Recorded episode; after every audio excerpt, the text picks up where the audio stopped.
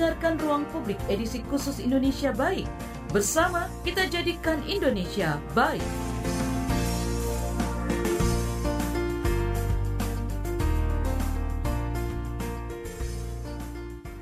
Selamat pagi, kita berjumpa kembali dalam Ruang Publik KBR dengan tema pagi hari ini, Jamban untuk Semua. Saudara masih ada 22 persen keluarga di Indonesia yang tidak punya jamban. Padahal sanitasi dan air bersih merupakan kebutuhan dasar setiap manusia. Mereka ini um, buang air besar atau BAB sembarangan seperti kebun, sungai, dan juga pantai. Tentunya ini membawa dampak negatif tidak hanya bagi ter orang tersebut, tapi juga pada masyarakat dan lingkungan. Upaya seperti apa yang bisa dilakukan agar semua keluarga di Indonesia bisa punya jamban? Dalam ruang publik edisi Indonesia Baik bersama saya Don Brady yang hadir di setiap hari Jumat, kita akan mendengarkan kisah orang-orang baik yang menyebarkan kebaikannya untuk masyarakat. Lewat Indonesia Baik kali ini, kita akan mendengarkan cerita Dr. Dr. Budi Laksono MHSC, penggagas gerakan WC for All. Selamat pagi, Dok. Uh, selamat pagi. Apa kabar, Dokter Budi? Alhamdulillah kita semuanya sehat dan ah. senang sekali bisa bergabung dengan radio Anda. Oke, um, dokter pagi ini posisinya di mana nih dok? Uh, kami kebetulan di Dolok Sanggul. Oh, Dolok Sanggul Sumatera Utara. Sumatera Utara ya, dokter Betul, ya. Iya. Mm -hmm. yeah. Oke, okay, hmm. baik. WC for All ini digagas sejak 2005. Program ini mengusung konsep pembangunan jamban secara gotong royong. Dokter bisa dijelaskan seperti apa perjalanan program WC for All ini sampai saat ini? Ya, terima kasih. Jadi gerakan WC for All ini kita uh, gerakan sebenarnya sejak kami dari Puskesmas tahun 2000-an, di mana waktu itu kami melihat banyak orang yang sakit sehingga memerlukan gerakan ini. Mm-hmm. Dan waktu itu kami jalankan dengan soliter, de, setiap orang yang sakit kita beri jamban. Tetapi tahun 2005 kita menggunakan sistem yang baru yaitu namanya kata jaga. Kata jaga ini kita membangun WC tidak cuma satu keluarga yang sakit, tetapi kepada semua kampung itu. Tentu saja ini ditujukan untuk apa? Untuk memutus rantai penyakit di dalam satu wilayah tertentu itu. Hmm. Itulah tahun 2005 kita memulai dan tahun uh, hingga sampai 2009 kita mulai dengan skill seperti ini. Cuma karena waktu itu dananya terbatas dari yayasan kami saja sehingga kami menggunakan dusun-dusun yang kecil yang tidak banyak berkurang lebih dengan 50 uh, jamban keluarga yang harus kami bangun. Hmm. Oke. Okay. Tapi um, mengapa dokter memilih untuk fokus pada persoalan jamban ini? Cerita seperti awalnya gimana ini dok? Jadi begini, uh, jamban itu minta maaf, itu makan suatu kebutuhan paling dasar setiap keluarga, setiap manusia. Itu kedua setelah makan kita memerlukan jamban. Tetapi uh, uh, banyak yang tidak memahami dan ini berpengaruh terhadap kesakitan bahkan kematian uh, apa namanya kematian di Indonesia ini. Hmm. Seperti kita tahu, ketahui, stunting, penyakit cacing, bahkan di Indonesia ini setiap tahun lebih dari 100 ribu orang harus meninggal karena penyakit menular saluran usus yang disebabkan karena tidak ada jamban ini. Oleh karena okay. itu sebagai dokter sebenarnya ini merupakan salah satu amanah utama mm-hmm. uh, yang dibawa oleh para uh, pejuang kemerdekaan kita yang waktu itu minta keadilan dan dan ini merupakan suatu uh, kesempatan bagi kami dan juga merupakan fardu kifayah di mana banyak teman-teman dokter yang belum uh, sempat atau mungkin uh, kesehatan yang belum uh, bisa melakukan sesuatu dengan cara yang yang kami kami harapkan tentu saja ini kesempatan kami untuk bisa melakukan bagi bangsa ini. Oke. Dan seperti apa sistem kerja uh, WC for All ini, Dok?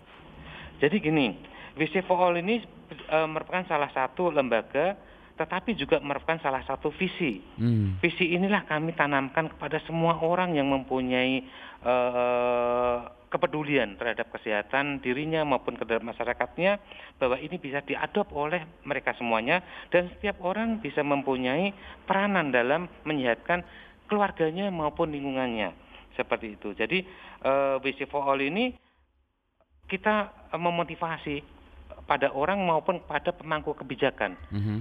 Tentu saja dalam konteks ini kami sebelum mengatakan kami selalu membuat pilotnya dan kami sudah membuat pilot ini lebih dari 130 kelurahan dan desa yang di mana satu kampung itu bisa bergerak termasuk kami sekarang di Dolok Sanggul. Uh, kami di salah satu uh, desa yang agak terpencil. Uh, kami kemarin datang pagi sore kami mengumpulkan orang, hari ini masyarakat lagi bergotong royong membangun jambannya. Insya Allah nanti besok kira-kira sekitar uh, hari Sabtu kita sudah bisa melihat semua keluarga punya jamban. Hmm. Sehingga kami ingin mengatakan bahwa membangun jamban yang sehat itu adalah murah, mudah, dan cepat. Dan inilah yang harus bisa dilakukan oleh bangsa kita. Hmm, Oke, okay. berarti di Dolok Sanggul ini untuk gerakan WC for All juga ya dok ya? Betul ya. Oke, okay. gimana tanggapan masyarakat dan pemerintah di sana akan program WC for All ini? Uh, sementara ini karena kami diundang oleh masyarakat di mana di sini masyarakat uh, dari Keuskupan Sumatera Utara mm -hmm. melihat bahwa banyak umat di sini dan bukan umat Katolik saja, tapi juga umat uh, seluruhnya, mm-hmm. termasuk di Indonesia sebenarnya itu yang mempunyai yang belum mempunyai sanitasi jamban itu kan masih banyak. Oleh karena itu, uh, setelah melihat apa yang kami lakukan, kami diundang ke sini dan kemudian kami sharing apa yang kami lakukan ini, termasuk besok Sabtu itu sudah selesai semuanya jamban yang dibangun, kami laporkan kepada keuskupan juga kepada bupati betapa mudahnya untuk merubah desa kelurahan atau kecamatan, bahkan Dolok Sanggul yang masih banyak orang nggak punya sanitasi bisa menjadi sanitasi. Itu sangat mudah, cepat dan murah seperti itu. Oke, tadi dokter juga mengatakan kalau uh, tim dari WC for All ini diundang oleh uh, masyarakat di Dolok Sanggul. Nah, apakah tim dari WC for All ini menentukan di mana akan membangun jamban atau hanya memang usulan masyarakat atau undangan seperti itu, Dok? Iya, sebenarnya kalau di Indonesia ini kan masih ada uh, hampir sekitar 20 juta keluarga nggak punya jamban. Hmm. Seluruh bumi yang di kita pijak ini punya masalah dengan sanitasinya. Bahkan kemarin di Jakarta ada banyak problem sanitasi. Kami mencatat lebih dari 200 ribu keluarga di Jakarta tidak punya jamban yang sehat. Hmm. Sehingga Jakarta sendiri itu adalah tempat di mana orang paling sering diare nomor 7 di Indonesia. Okay. Nah ini kan suatu ironis sehingga yeah. semua tempat adalah lahan kami bahkan bukan juga Indonesia gerakan kami sekarang ini uh, apa di kopi menjadi gerakan WC for All Kamboja, WC for All Vietnam, hmm. uh, Australia dan sebagainya sehingga uh, apa kita ke mana saja kita ini ber, uh, berpikir tentang lingkungan jamban adalah salah satu komponen yang harus kita sehatkan di seluruh dunia termasuk Indonesia. Hmm, jadi um, ini ini bisa kita usulkan seperti itu dok. Kalau misalnya ada satu daerah yang memerlukan jamban ya. yang uh, sehat seperti itu ya, apa kita usulkan dari WC for All atau setiap bulan nih tim dari WC for All itu um, apa namanya menentukan harus ke mana mereka uh, tim pergi? Ya, jadi uh, kami setiap diundang di mana pun kami akan datang, tetapi jangan dipikirkan bahwa kami datang dengan uang dan sebagainya yeah. untuk membangun tidak kami membuktikan bahwa setiap keluarga sebenarnya sebagian besar itu mampu membuatnya WC karena WC itu murah. Bahkan kami ini di Dolok Sanggul, kami buktikan hanya dengan sekitar 700 ribu kami bisa membuat jamban.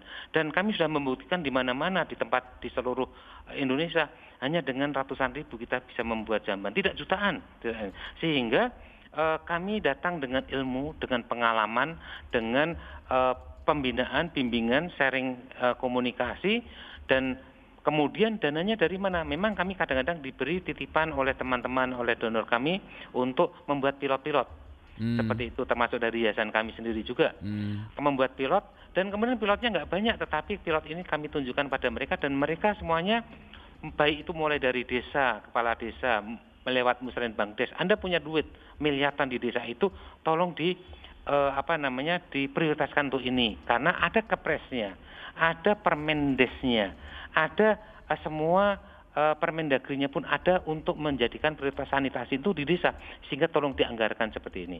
Kalau itu semua terlaksana, semua desa menganggarkan seperti ini akan selesai dengan cepatnya hmm, seperti itu. Oke, okay. dan yang membangun jamban itu sendiri adalah masyarakat desa itu sendiri atau tim WC for All sendiri yang mendatangkan gitu dok? Uh, kami membuktikan membangun zaman itu mudah sehingga semua orang itu bisa membangun. Okay. Bukan cuma keluarga itu, bahkan okay. ketika keluarga itu nggak punya laki-laki pun, kami punya foto-foto bagaimana ibu-ibu hmm. pun bisa membuatnya. Hmm. Nah seperti itu. Kami yakinkan jangankan manusia, kucing pun setiap hari bisa membuat visinya, kan seperti itu. Yeah. Nah inilah yang kami yakinkan pada mereka dan termasuk di sini semua hari ini uh, pegang cangkul dan yeah. untuk membuat lubang septic tank uh, hmm. di rumah masing-masing. Hmm, Oke, okay. sejak bergulir sudah berapa jamban atau WC yang sudah dibangun atau tersebar di mana saja, dok? Jadi gerakan ini awalnya memang uh, terlokalisir di wilayah binaan kami di Yayasan Wahana Bakti di Semarang, mm -hmm. yaitu di daerah Gunung Pati Mijen, uh, Kota Semarang. Tetapi dalam perkembangannya itu sudah sampai Jawa Tengah, Jawa Timur, Jawa Barat. Bahkan saat ini kami sudah mempunyai lebih dari 120-an kelurahan dan desa yang sudah kita jadikan pilot. Bahkan kemudian merambah ke daerah uh, Jawa Barat, kemudian di Kalimantan, di eh, NT, NTB, sampai di Palu dan sebagainya. Bahkan konsep kami ini mendapatkan tiga rekor muri pembangunan sanitasi sehingga konsep ini diterima waktu kami bawa ke Jakarta, diterima oleh Mabes Angkatan Darat sehingga kami bekerja sama dengan Angkatan Darat membuat gerakan namanya Gerakan Sejuta Jamban. Hmm. Dan alhamdulillah puji Tuhan tanggal 1 Oktober kemarin satu juta itu sudah terlampaui. Oke. Okay. Uh, sehingga saat ini kami mensyukuri itu dan memberikan aplaus sebesar-besarnya kepada Mabes TNI yang memerintahkan semua Babinsa di seluruh Indonesia memimpin masyarakatnya bergotong royong membangun ini. Mm. Dan kemudian sekarang kita bergerak menuju gerakan membangun 20 juta jamban mm. Se Indonesia. Mm. Inilah makanya kami sekali lagi datang ke Jakarta, datang ke mana-mana untuk meyakinkan 20 juta atau setiap keluarga di Indonesia itu bisa punya jamban itu adalah sesuatu yang sangat mungkin. Oke. Okay. Dan dilakukan dalam waktu cepat sekali. Oke, okay. um, dokter, cara mengundang WC for All ini untuk datang ke daerah kita seperti apa dan syaratnya ada? Oh, kita diundang kita pakai WA, pakai SMS. Kalau nggak okay. punya uang, saya bisa punya uang untuk bisa beli tiket dan sebagainya. Tidak ada syarat-syarat tertentu undang hmm. kami dan akses atau ilmu yang kami miliki pun terakses untuk diakses semua orang lewat website, lewat YouTube, lewat Facebook kami bisa semuanya. Sehingga uh, sebenarnya tidak harus mengundang kami pun bisa melihat apa yang menjadi pengalaman kami di Facebook kami, mm-hmm. yaitu Budi Laksono okay. atau uh, Dr. Budi Laksono at gmail.com nanti di Facebook muncul itu uh, bisa dilihat apa yang kami lakukan. Betapa mudahnya, betapa murahnya. Hmm, hanya Jadi, dengan menghubungi lewat sosial media juga boleh dan juga bisa, WhatsApp boleh ya dokter ya. Bisa. Oke, okay, boleh disebutkan nomornya dokter? Uh, nomornya WhatsAppnya uh-huh. 081 ya dua dua delapan kosong mhm. satu Oke, nol delapan satu dua dua delapan nol satu tujuh nol enam nol seperti itu ya dok ya. Siap. Ya. Oke, nanti bisa dihubungi dengan um, tim WC for All di sana. Oke, uh, sekali lagi nanti ini berapa lama di Dolok Sanggul? Kebetulan ini dekat kampung halaman saya ini dok. Iya, di Dolok Sanggul ini hmm. sampai hari Minggu. Sampai hari Senin Minggu ya. kami balik ke Semarang karena kami juga meresmikan jamban kami yang ada di Semarang hmm.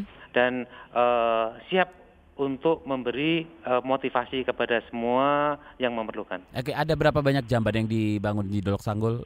Uh, kita membuat satu pilot uh, proyek satu ah, desa. Oke. Okay. Oh satu pilot proyek satu desa dan nanti akan diteruskan oleh masyarakat di sana seperti itu ya? Betul ya. Ah oke okay, baik. Dokter kita harus break dulu nanti kita akan ya. lanjutkan jangan ke mana-mana tetap di ruang publik KBR. Anda mendengarkan ruang publik edisi khusus Indonesia Baik bersama kita jadikan Indonesia baik. Anda masih mendengarkan Ruang Publik KBR bersama saya Don Brady di edisi Indonesia Baik dengan tema pagi hari ini Jamban untuk semua.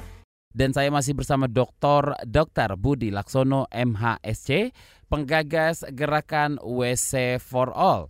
Dan buat Anda yang ingin um, mengundang gerakan WC for All ini, silakan dicek seluruh sosial medianya di sana bisa langsung menghubungi tim dari WC for All ini dan juga akan mendapatkan arahan seperti apa harus melakukan uh, apa namanya mengundang gerakan ini ya. Dan kita sudah terhubung kembali dengan Dokter Dokter Budi Laksono. Dokter? Siap, siap. Ya, ya terima kasih. Ya. Oke. Okay. Um, kita ngomongin soal jamban nih dok. Jamban pun ada standarnya ya dokter ya. Seperti apa jamban ya. atau WC yang baik dan sehat? Uh, jadi begini, banyak dari kita ini terbelenggu oleh mitos-mitos bahwa jamban itu harus pakai keramik, harus pakai uh, atap, mm. harus pakai dinding benton, tembok dan sebagainya dengan septic tank yang pakai kedap, yang pakai uh, beton dan sebagainya. Ini keliru. Mm. Sebenarnya standar WC itu yang sehat adalah WC itu tidak mencemari lingkungan dan uh, memungkinkan terputusnya siklus penyakit yang disebabkan karena serangga bisa masuk ke septic tank Hmm. yang akhirnya keluar lagi ke kehidupan manusia. Konsepnya seperti itu standarnya. Sehingga yang penting dalam WC itu adalah septic tanknya itu tertutup secara kedap sehingga tidak ada eh, penularan-penularan atau kontaminasi eh, ke sekitarnya maupun oh, baik langsung maupun oleh eh, serangga-serangga seperti itu. Hmm, oke. Ketika membangun jamban ini, apakah juga membangun sarana pendukungnya seperti penyaluran air bersih? Nah, ini banyak orang sampai sekarang kenapa Indonesia itu tidak eh, banyak masih banyak orang tidak punya WC karena dipikir membangun jamban itu harus membangun sarana air. Ini tidak tidak seluruhnya benar karena kenyataannya eh, kalau memang membangun jamban umum memang harus ada airnya. Kalau nggak ada airnya langsung macet. Tetapi yang kami bangun adalah jamban keluarga. Nah, di mana ada jamban keluarga, di situ pasti ada air. Hmm. Ya, seperti itu. Sehingga kami membangun jamban ini tidak harus ada air dulu di sana. Karena apa? Kalau kita membangun jamban keluarga, pasti air akan datang ke jamban itu oleh keluarga itu. Nah, inilah konsep ini harus dipahami sehingga Hmm. jangan jangan apa namanya kita eh, berkecil hati, oh di sana nggak ada air. Meskipun kami sendiri mempunyai teknologi-teknologi untuk jamban-jamban kering, jamban yang tidak perlu air itu ada ada sistem jambannya tersendiri seperti itu. Hmm, Oke, baik. Em, tadi dokter juga menyebutkan sekitar eh, 700 ribuan itu sudah bisa membuat jamban yang sehat Ya, dan ya. eh, standar ya. Itu bisa cepat dan murah. Ada teknologi tertentu yang digunakan dok. Ya, jadi kami memang menggunakan eh, beberapa apa menciptakan beberapa teknologi sederhana untuk jamban. Ya. Prinsipnya jamban kenapa kok murah? Itu kami menggunakan sistem namanya natural geofiltration. Jadi tanah bumi kita ini adalah penyaring air yang paling bagus. Sehingga kalau kita membuat jamban kita hanya perlu ngeduk dalam tanah saja kira-kira 1 sampai 2 meter. Hmm. Kemudian kita tutup di atasnya pakai beton Mhm. dan untuk membuat beton dan klosetnya itu paling-paling cuma sekitar 600 700 ribuan saja. Hmm. Kami hanya perlu semen satu sak, kloset keramik satu, kemudian pasir 16 ember, split 12 ember, sama besi beton satu, cukup itu. Nah, sehingga sangat murah. Meskipun untuk daerah-daerah tertentu, misalnya daerah kering, kami menciptakan namanya jamban amfibi yang merupakan tesis kami waktu kami mengambil eh, tesis di Australia saat itu. Yaitu jamban yang dipakai bisa untuk dengan air maupun tanpa air, Mhm. seperti itu. Dan itu bisa untuk orang miskin maupun untuk orang kaya bisa untuk daerah yang betul-betul kering maupun daerah yang basah. Hmm. Kemudian kami juga menciptakan namanya big septic tank. Septic tank yang kecil kompak yang hampir sama konsepnya kita adop dari konsep WC angkasa luar eh, space shuttle. Jadi kalau pesawat angkasa luar meskipun itu kecil sekali, itu ada WC-nya.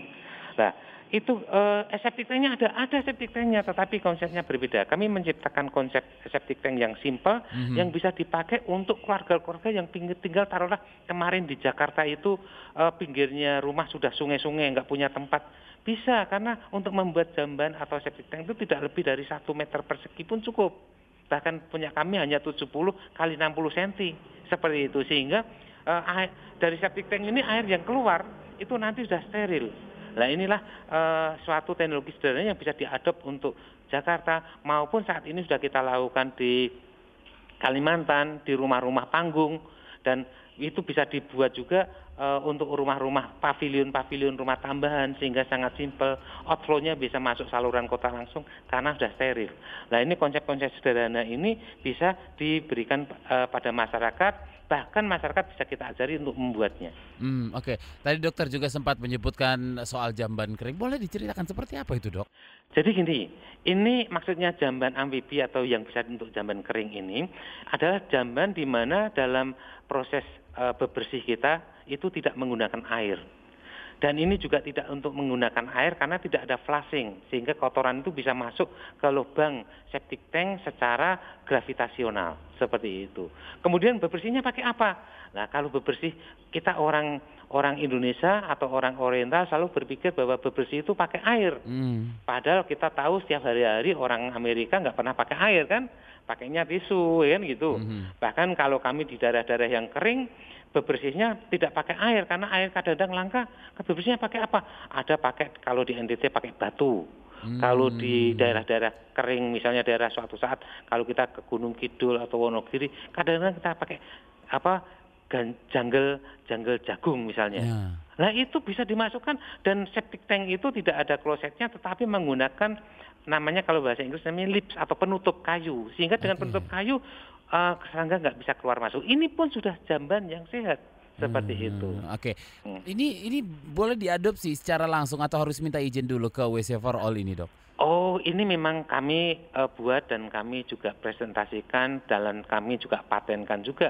Tetapi Hmm. paten kami ini terbuka untuk masyarakat untuk mem- membuatnya, mengcopy, mengkas, mempaste, kemudian memodifikasi lebih bagus lagi. Silakan seperti itu. Hmm, Ya. Oke, baik. Hmm. Nah, dalam temuan dokter sendiri di lapangan, mengapa ada keluarga-keluarga yang masih tidak punya jamban nih, Dok? Apa ini karena melulu karena nggak mampu atau memang belum um, pahamnya uh, keluarga di Indonesia ini tentang pentingnya jamban ini? Jadi begini, eh, kita wak- kami waktu melakukan penelitian tentang ketidakpunyaan jamban di keluarga-keluarga baik di desa maupun di kota. Kenapa? Itu ada fak- empat faktor utama. Dan faktor itu adalah eh, lingkungan. Lingkungan banyak menyediakan fasilitas alternatif. Kemudian lingkungan kadang-kadang membuat kita nggak punya air dan sebagainya yang membuat itu. Yang kedua pengetahuan atau eh, internal personal itu. Jadi orang itu mempunyai value tersendiri. Saya mengatakan saya buang air di sungai nggak apa-apa. Karena apa? Karena pengetahuannya, pendidikannya dan sebagainya. Dan kemudian yang lebih penting lagi adalah selama ini WC itu dikenalkan kepada masyarakat dengan teknologi yang fix cuma satu. WC itu adalah seperti ini. Pakai tembok pakai keramik ini dan sebagainya. Sehingga Hmm. masyarakat berpikir aku nggak mungkin membangun WC itu karena aku nggak punya ini nggak punya ini. Iuran untuk eh, BPJS saja belum lunas eh, untuk iuran motor saja belum lunas dan sebagainya. Nah, itu eh, teknologi yang diterapkan itu terlalu eh, terlalu monoton tidak sesuai dengan eh, yang diinginkan masyarakat dan yang ketiga dan yang paling penting dan itu yang membedakan kenapa kita dengan Malaysia berbeda kita dengan Singapura berbeda adalah politik legislasi Oke. seperti kita ketahui sejak adanya eh, wabah kolera yang me- waktu itu membuat London menjadi eh, apa namanya banyak kematian di London itu orang sangat ketakutan terhadap eh, feses karena waktu itu akhirnya dibuktikan bahwa kolera itu menular lewat kotoran. Zaman itu dokter tuh masih saat itu pun juga tahu karena apa? Baru nyelidiki 10 tahun baru tahu karena itu menular lewat kotoran. Sejak itu di Eropa eh, apa namanya sampai sekarang yang namanya kesehatan sanitasi nomor satu. Bahkan tahun 1930 itu Eropa sudah mewajibkan semua orang itu punya WC. Dan hukumnya kalau orang buang air sembarangan itu bisa dihukum. Seperti itu. Sampai Oke. saat ini, detik ini di Indonesia, orang itu saking merdekanya buang air ke sembarang boleh. Hmm. Orang punya rumah tidak punya WC boleh. Bahkan rehabi RTLH pun dibuat rumah tanpa WC. Hmm. Dianggap bahwa rumah layak huni itu rumah yang tembok dan sebagainya. Keliru. Rumah yang sehat itu rumah punya WC. Yang nggak punya WC itu tidak layak huni. Hmm. Tentu saja ada syarat yang lain. Misalnya atap, dinding, lantai. Seperti itu. Ya. Nah ini yang harus tahu bahwa peran politik sanitasi sangat luar biasa. Dan sampai saat ini para politikus kita sibuk mengurusi urusan yang lain, politik sanitasi terbengkelai. Orang kami sendiri juga salah juga orang-orang kesehatan ini sampai sekarang belum mempus sanitasi menjadi eh, kebutuhan yang Ya. paling penting untuk pembangunan bangsa ini. Oke, Begitu. kita, kita angkat telepon dulu ada Bapak Herman di Sintang. Selamat Ya. pagi Pak Herman. Selamat pagi Bang Ya, Jong. Iya, silakan. Selamat pagi Bapak narasumber. Selamat pagi Pak. Ya, ini kalau untuk di, di daerah yang dikatakan Bapak itu membayar. Contohnya, contohnya di daerah saya ya, itu jangankan WC di rumah. Kalau mau buang air besar ataupun buang air kecil itu sembarangan, Pak. Hmm. Itu susahnya kalau kampung. Hmm. Karena belum adanya pengalaman orang itu mau bikin WC. Tapi cuma kalau mereka bilang kalau mau bikin WC itu mahal biaya. Hmm. Ah, mahal biayanya itu harus biaya adanya semen, adanya batu, Ya, pasir gitu mahal. ya. Cuma mereka tidak mengetahui kalau bikin WC itu bisa adanya simpel gitu ya. Hmm. Hmm. Ah, terus kalau mau buang air besar itu di sungai kemarin, Pak. Hmm. Ya. Kalau di kampung di daerah itu jadi orang mandi di hilir sungai, jadi ada orang berak di hulunya, Pak. Itu Betul. itu yang susah, itu menyebabkan penyebaran sungai itu menjadikan penyakit bagi anak-anak itu kalau di kampung-kampung banyak orang yang menderita stunting, Pak.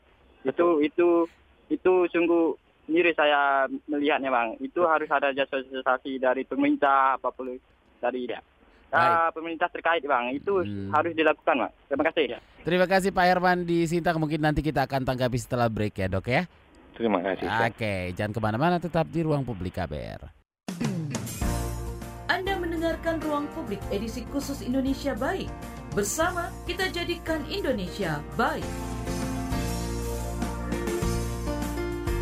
Ruang Publik edisi Indonesia Baik bersama kita jadikan Indonesia Baik masih bersama saya Don Brady dengan tema pagi hari ini Jamban untuk semua. Saya masih bersama Dr. Dr. Budi Laksono MHSC penggagas gerakan WC for All. Dokter? Selamat siang. Siap. Iya, masih eh, bersama kami di sana ya, Dok ya. Siap. Ya. Oke. Dan tadi sebelum kita break sudah ada telepon dari Pak Herman di Sintang yang Ya. mengatakan ya kalau di daerah Sintang di daerahnya itu jangankan WC di rumah, BAB dan buang air kecil juga masih sembarangan. Karena WC itu masih dianggap mahal dan BAB juga sering dilakukan di sungai, Dokter. Betul. Ya. Ya.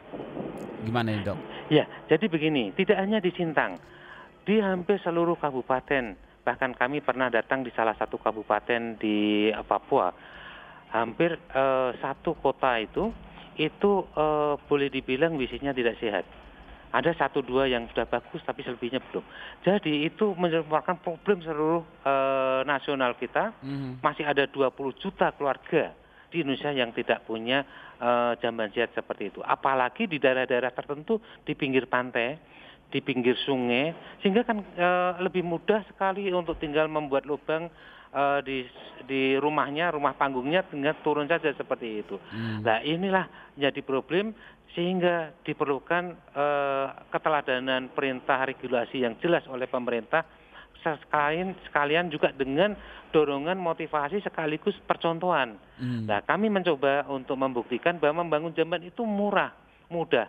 Termasuk juga untuk daerah-daerah yang saya katakan tadi di daerah pinggir pantai, daerah rob Semarang pun Mhm. kami membangun namanya flying latrine, di mana kalau ada rob jamban tidak akan ada masalah seperti itu.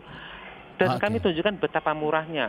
Bahkan untuk untuk jamban yang yang di daerah pantai yang sama sekali terendam oleh air, misalnya untuk Sumatera, Kalimantan, pertama yang daerah-daerah nelayan, Mhm. itu dengan septic tank eh, sederhana yang eh, kami melihat itu bisa dibuat dari trim dan sebagainya, itu eh, ongkosnya nggak pakai satu juta pun bisa.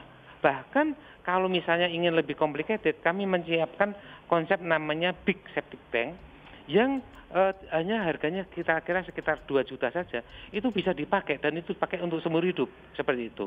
Nah Oke. ini contohnya bahwa eh, pentingnya kita memberi informasi kepada masyarakat semuanya dan tentu saja sebetulnya kepada semua ahli-ahli kesehatan masyarakat bahwa sebenarnya teknologi jamban itu sudah terbuka.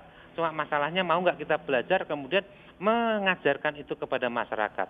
Dan kemudian Oke. kalau masyarakat itu sudah belajar dan dia tidak mampu, saat ini pemerintah sudah menggelontorkan uang miliaran ke desa. Mohon untuk dianggarkan. Karena apa? Itu bisa digunakan juga untuk jamban karena jamban di desa itu adalah prioritas nomor dua dalam penggunaan anggaran dana desa. Oke, Nah, kita angkat telepon lagi nih, Dokter. Ya. Ada Bapak Erik Siregar di Depok. Pak Erik, silakan. Selamat pagi Bung Dorong. Selamat pagi, Iya. Pak Erik. Ya, Selamat pagi dok. ya siap. Ah, pertama begini dok. Kalau tidak salah pada tahun 2008 ini pernah namanya pemerintah juga membuat nama itu MDGs ya. MDGs. Millennium Development Goals. Ya, siap. Hmm. Terus tapi dalam poin itu kalau nggak salah itu membangun, apa membangun jam apa jamban rumah layak untuk masyarakat itu kan Iya, kalau nggak salah betul, poinnya Betul, gitu ya. ya. Pertanyaan saya pada Pak Budi, apakah ini khusus jamban doang yang digagas oleh program ini atau ada program-program lain yang menyangkut kesehatan? Dan kalau di, di. Depok ini kan masuk wilayah Jawa Barat. Siap. Di ya. Depok wilayah ah, itunya kantor LSM-nya ini di mana di, di Depok ini Bung Budi Siap. Laksono. Terima kasih, selamat pagi. Selamat pagi, Pak Erik di Iya. si Depok. Silakan, Dokter. Jadi begini, problem eh, kematian, kesakitan karena penyakit diare, tipes dan lain-lain lewat saluran usus ini problem seluruh dunia. Oleh karena itu, Badan Kesehatan Dunia WHO itu sangat peduli dan kemudian meminta semua negara yang punya masalah dengan sanitasi ini untuk menandatangani Fakta MDGs. Fakta MDGs itu ditandatangani oleh Presiden kita tahun 2000. Hmm. Inti dari fakta MDGs itu kita harus membangun eh, delapan prioritas di mana eh, di mana eh, sanitasi itu masuk di dalam adalah perbaikan lingkungan. Kemudian penyebabnya eh, ini menyebabkan kematian anak itu ada bagian dari eh, poin dari MDGs itu. Kemudian kematian ibu, ibu yang meninggal pun berhubungan dengan sanitasi dan penyakit infeksi usus, yaitu eh, chronicle helminthiasis yang menyebabkan perdarahan pada saat kehamilan. Kemudian kematian umum yang bisa dicegah. Itu kematian umum itu adalah kematian oleh HIV AIDS. Kita belum sangat tinggi kematian TBC, malaria, oke kita sudah harus peduli. Tetapi kematian oleh diare ini adalah sesuatu yang preventable. Ini harus kita atasi.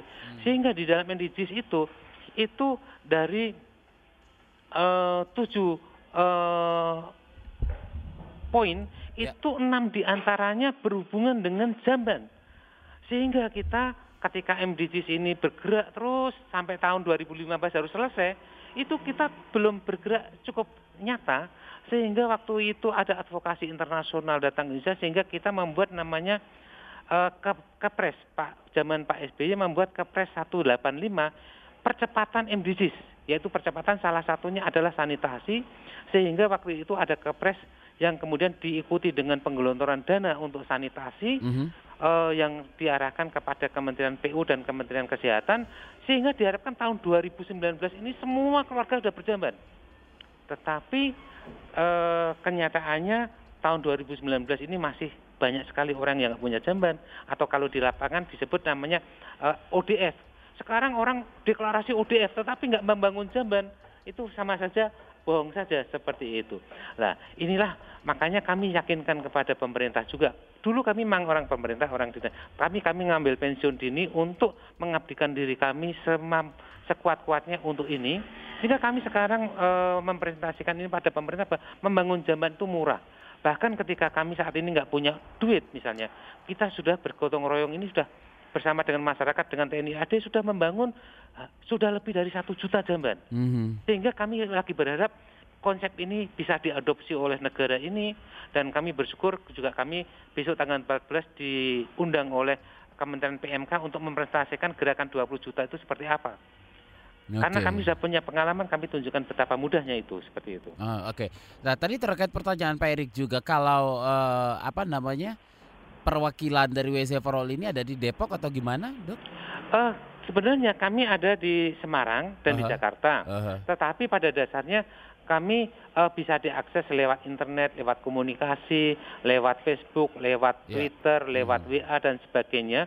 Sehingga apa yang menjadi kebutuhan di daerah, insya Allah bisa kita layani. Termasuk beberapa waktu yang lalu kita buktikan di Depok, yaitu di namanya Kelurahan Tenjo Ya. Di mana saat itu kami lihat sekampung itu nggak punya WC dan WC-nya ironis sekali hanya kolam 2 kali 2 meter di atasnya dikasih helikopter helikopteran untuk dodok kemudian orang buang air di situ. Hmm. dan di bawahnya itu ada kolam cuma 2 kali 2 meter itu yang ada ikan lelenya dan beberapa kotoran masih ada di situ. Kami sedih sekali tetapi kami ketika datang ke Tenjo tiga hari kemudian seluruh wilayah itu bisa punya jamban semuanya nah ini menunjukkan bahwa sebenarnya itu problem di semuanya termasuk di dekat Jakarta termasuk di Depok juga kami pernah melakukannya Ya, oke. Pertanyaan selanjutnya dari Pak Erik juga untuk WC for All ini hanya untuk membangun toilet saja? Iya, namanya WC for All ini kami membangun dalam konteks kesadaran, mendorong pembangunan, mendorong partisipasi semua orang, termasuk Pak Erik di wilayah Depok dulu pernah terjadi namanya wabah hepatitis A, diare hepatitis A. Hmm. Waktu itu di salah satu perguruan eh, tinggi di Depok yang terkenal di seluruh Indonesia ada wabah diare. Eh, tetapi gejalanya adalah gejalanya diare tapi itu hepatitis A. Orang tidak tahu bahwa itu karena adalah eh, penularan karena kotoran. Sehingga dipikirnya itu harus dicegah dengan imunisasi. Ya betul imunisasi bisa, tapi pencegahan utama adalah menjamin semua penjual makanan dalam kegiatan pemasakannya dan penyajiannya itu harus dia bersih. Untuk karena itu semua penjual makan harus punya WC. Kalau penjual makanan tidak punya WC, inilah dampak-dampak wabah-wabah itu sering muncul di tengah kita. Oke, kita baca dulu beberapa WhatsApp yang sudah masuk, Dok, dari Tri Siap. di Jakarta. Penyakit cancingan apa hubungan apa hubungan selalu dengan masih ada yang BAB sembarangan ya, Dok? Walau kita punya toilet sendiri, tapi kalau masih ada yang BAB sembarangan di sekitar kami tetap berbahaya? Betul. Jadi begini, setiap orang bahkan eh, beberapa riset termasuk riset kami membuktikan di Indonesia ini 46 persen. Kami pakai simpel di Semarang, 46 persen dari kita itu eh, mempunyai cacing di usus. Hmm. Dan cacing ini setiap hari bertelur, telurnya itu ribuan satu cacing. Kalau cacing lebih banyak lagi bisa jutaan kotoran itu di dalam tinja. Lah tinja itu meskipun kita punya WC, kalau sekitar kita banyak yang tidak punya WC, tinja itu akan dihinggapi oleh lalat. Lalat itu nanti akan menghinggapi pada makanan-makanan kita. Tinja yang ada di air, tinjanya akan ter apa terbawa oleh air dan air itu tercemar. Orang cuci tangan di situ atau mencuci piringnya di situ sehingga telur-telur cacing ini akan eh, mengontaminasi piring-piring, sendok, gelas-gelas kita sehingga siklus itu akan menular pada masyarakat yang lain. Inilah makanya dalam konteks sanitasi kita punya jamban adalah kurang, tetapi harus semua wilayah semua keluarga di wilayah kita harus punya jamban seperti itu. Oke, kita masih ada satu segmen lagi, Dokter, tapi Ya. kita harus break dulu ya. Jangan ke mana-mana, tetap di ruang publik KBR. Terima kasih. Masih Anda dengarkan Ruang Publik KBR.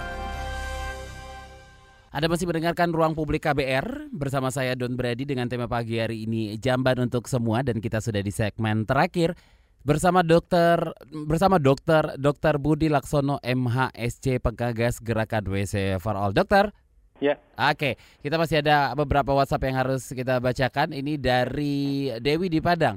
Dulu karena tinggal di asrama, keluarga kami pakai toilet umum, sangat tidak nyaman dan eh, tidak bersih. Tapi sekarang sudah tinggal di rumah sendiri sampai bikin kamar mandi yang rapi dan bagus biar nyaman. Oke, WC umum juga eh, suka tidak diperhatikan juga ya, Dok? Gimana betul, nih? Hmm. betul, ya. Oke. Dungki di Jakarta, kalau saya punya uang lebih, WC yang pertama saya rapikan dikasih tegel dan lampu yang terang biar nyaman dan terlihat bersih. Oke. Terus Ya. eh, Dwi di Jogja, program WC for All Bapak sangat perlu didukung. Om saya dapat bantuan pembuatan toilet dari pemerintah karena dianggap toiletnya nggak standar. Program-program ini harus didukung. Oke. Bagus, bagus. Terima Oke, kasih. dari Anwar di Kalimantan. Program ini apa juga ada di Kalimantan, Pak? Gimana nih, Dok? Ya, kami tahun kemarin membangun eh, jamban untuk daerah rawa-rawa itu di daerah Amuntai. Eh, mahasiswa kami di Kalimantan Barat mendorong gerakan jamban juga di daerah Pontianak, juga Singkawang. Nah, banyak sekali yang bisa dilakukan dan mari semua pendengar bergabung dengan visi kami untuk menyehatkan lingkungan kita dan menjadi relawan untuk jamban bagi sekitarnya saja. Nggak usah jauh-jauh, sekitarnya saja itu sudah sangat berarti menyehatkan lingkungan dan menyehatkan keluarga kita. Ya. Hmm, oke. Dan em, mungkin eh, buat yang baru saja mendengarkan apalah eh, boleh diceritakan sekali lagi nih, Dok. Kira-kira apa yang ingin dicapai lewat WC for All ini? Ah, jadi begini, WC itu adalah kebutuhan paling dasar setiap keluarga. Oleh karena itu kami memvisikan, kami bercita-cita semua keluarga di Indonesia harus punya WC. WC keluarga maksud saya. Oke. Kalau WC umum eh, silahkan eh, apa namanya eh, ketika di public service, public public area kita Hmm. ada WC umum. Tetapi di dalam rumah setiap keluarga harus punya WC keluarga. Oleh karena itu organisasi adalah WC for all family. Jadi semua keluarga harus punya WC. Hmm. Kami secara eh, eh, kelembagaan kami telah membangun le- kurang lebih sekitar eh, 14.000 jamban keluarga dengan donasi dari pertama-tama dari lembaga kami sendiri, dari sedekah eh, keluarga kami dan eh, teman-teman kami, sahabat-sahabat kami, donor dan teman-teman semuanya. Tetapi kemudian kami bekerja sama yang paling besar ini dengan eh, TNI Angkatan Darat sehingga semua babinsa saat ini Mhm. diperintahkan oleh Bapak Kasat untuk membantu setiap keluarga yang punya WC, eh, yang belum punya WC. Oleh karena itu, silakan kalau ada eh, keluarga ingin membuat WC tapi dia sulit, coba tanya pada Pak Babinsanya. Hmm. Babinsanya nanti kalau sampai tidak tahu, mungkin dia Babinsa baru, dia akan tanya pada Pak dan Ramilnya atau Pak Dandimnya. Pasti akan diberitahu eh, gerakan ini. Uh, sehingga semua di daerah nanti bisa membangun jamban. Dan saat ini sudah lebih dari satu juta jamban yang dibangun oleh masyarakat bersama bimbingan bapak-bapak babinsa seluruh Indonesia. Bahkan kami lagi memvisikan gerakan nasional sanitasi membangun 20 juta. Hmm. Yang harapan kami uh, akan dideklarasikan oleh Bapak uh, Presiden sehingga semua kementerian yang ada akan bau membau uh, membantu masyarakat membangun jamban sehingga 20 juta keluarga di Indonesia ini yang belum punya jamban saat ini itu bisa mempunyai jamban masing-masing. Oke, target 20 juta ini sampai kapan ini, Dok?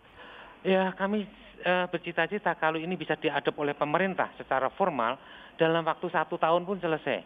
Hmm. Tetapi kalau kalau tidak diadop oleh pemerintah, makanya akan lebih lambat sekali karena memang faktornya ini bukan cuma faktor uh, karena kita adalah negara uh, paternalis.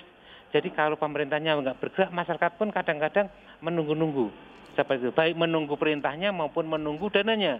Nah, seperti itu. Oleh karena itu kalau pemerintah ber, bergerak, masyarakat mesti akan tuhu, akan akan menerima kebijaksanaan yang baik untuk mereka dan berpartisipasi. Dan ini kami sudah membuktikan seperti itu. Oke, terakhir dok pesannya untuk masyarakat untuk tetap memperhatikan uh, standar hmm. atau kebersihan dari jamban mereka masing-masing. Ya, kepada masyarakat semuanya, baik yang sudah punya maupun belum, saya yakin di setiap kelurahan, setiap desa di tempat kita itu ada keluarga yang nggak punya jamban. Ayo kita lihat uh, datangi seluruh jamban atau seluruh rumah-rumah yang tidak mampu, kita bantu. Kalau misalnya kita punya uang, kita bantukan sehingga mereka bersemangat untuk membangunnya. Kalau kita tidak punya, masukkan di dalam musrenbang des uh, di setiap desa supaya nanti kelurahan memprioritaskan pembangunan jamban bagi keluarga yang belum punya. Stimulannya berapa? Jangan stimulannya 3 juta atau 5 juta. Stimulannya hanya satu buah kloset, pasir, semen, split, besi beton. Itu hmm. saja. Sehingga dengan kurang lebih 700 ribu rupiah namanya saja stimulan untuk membangun dulu awalnya, tetapi masyarakat nanti akan berswadaya berswasembada mengembangkan itu menjadi lebih baik dan itu pasti. Baik, Dokter Dokter Budi Laksono MHSC menggagas gerakan WC for All. Terima kasih atas waktunya pagi ini, Dok. Siap, terima kasih. Sukses atas, terus, Dok. Selamat pagi. Waktunya ya. ya. Salam kami buat seluruh Indonesia. Baik, terima kasih. Demikian ruang publik KBR edisi Indonesia Baik pagi ini dengan tema jamban untuk semua. Saya Dot Beradi pamit. Salam. Baru saja Anda dengarkan Ruang Publik KBR.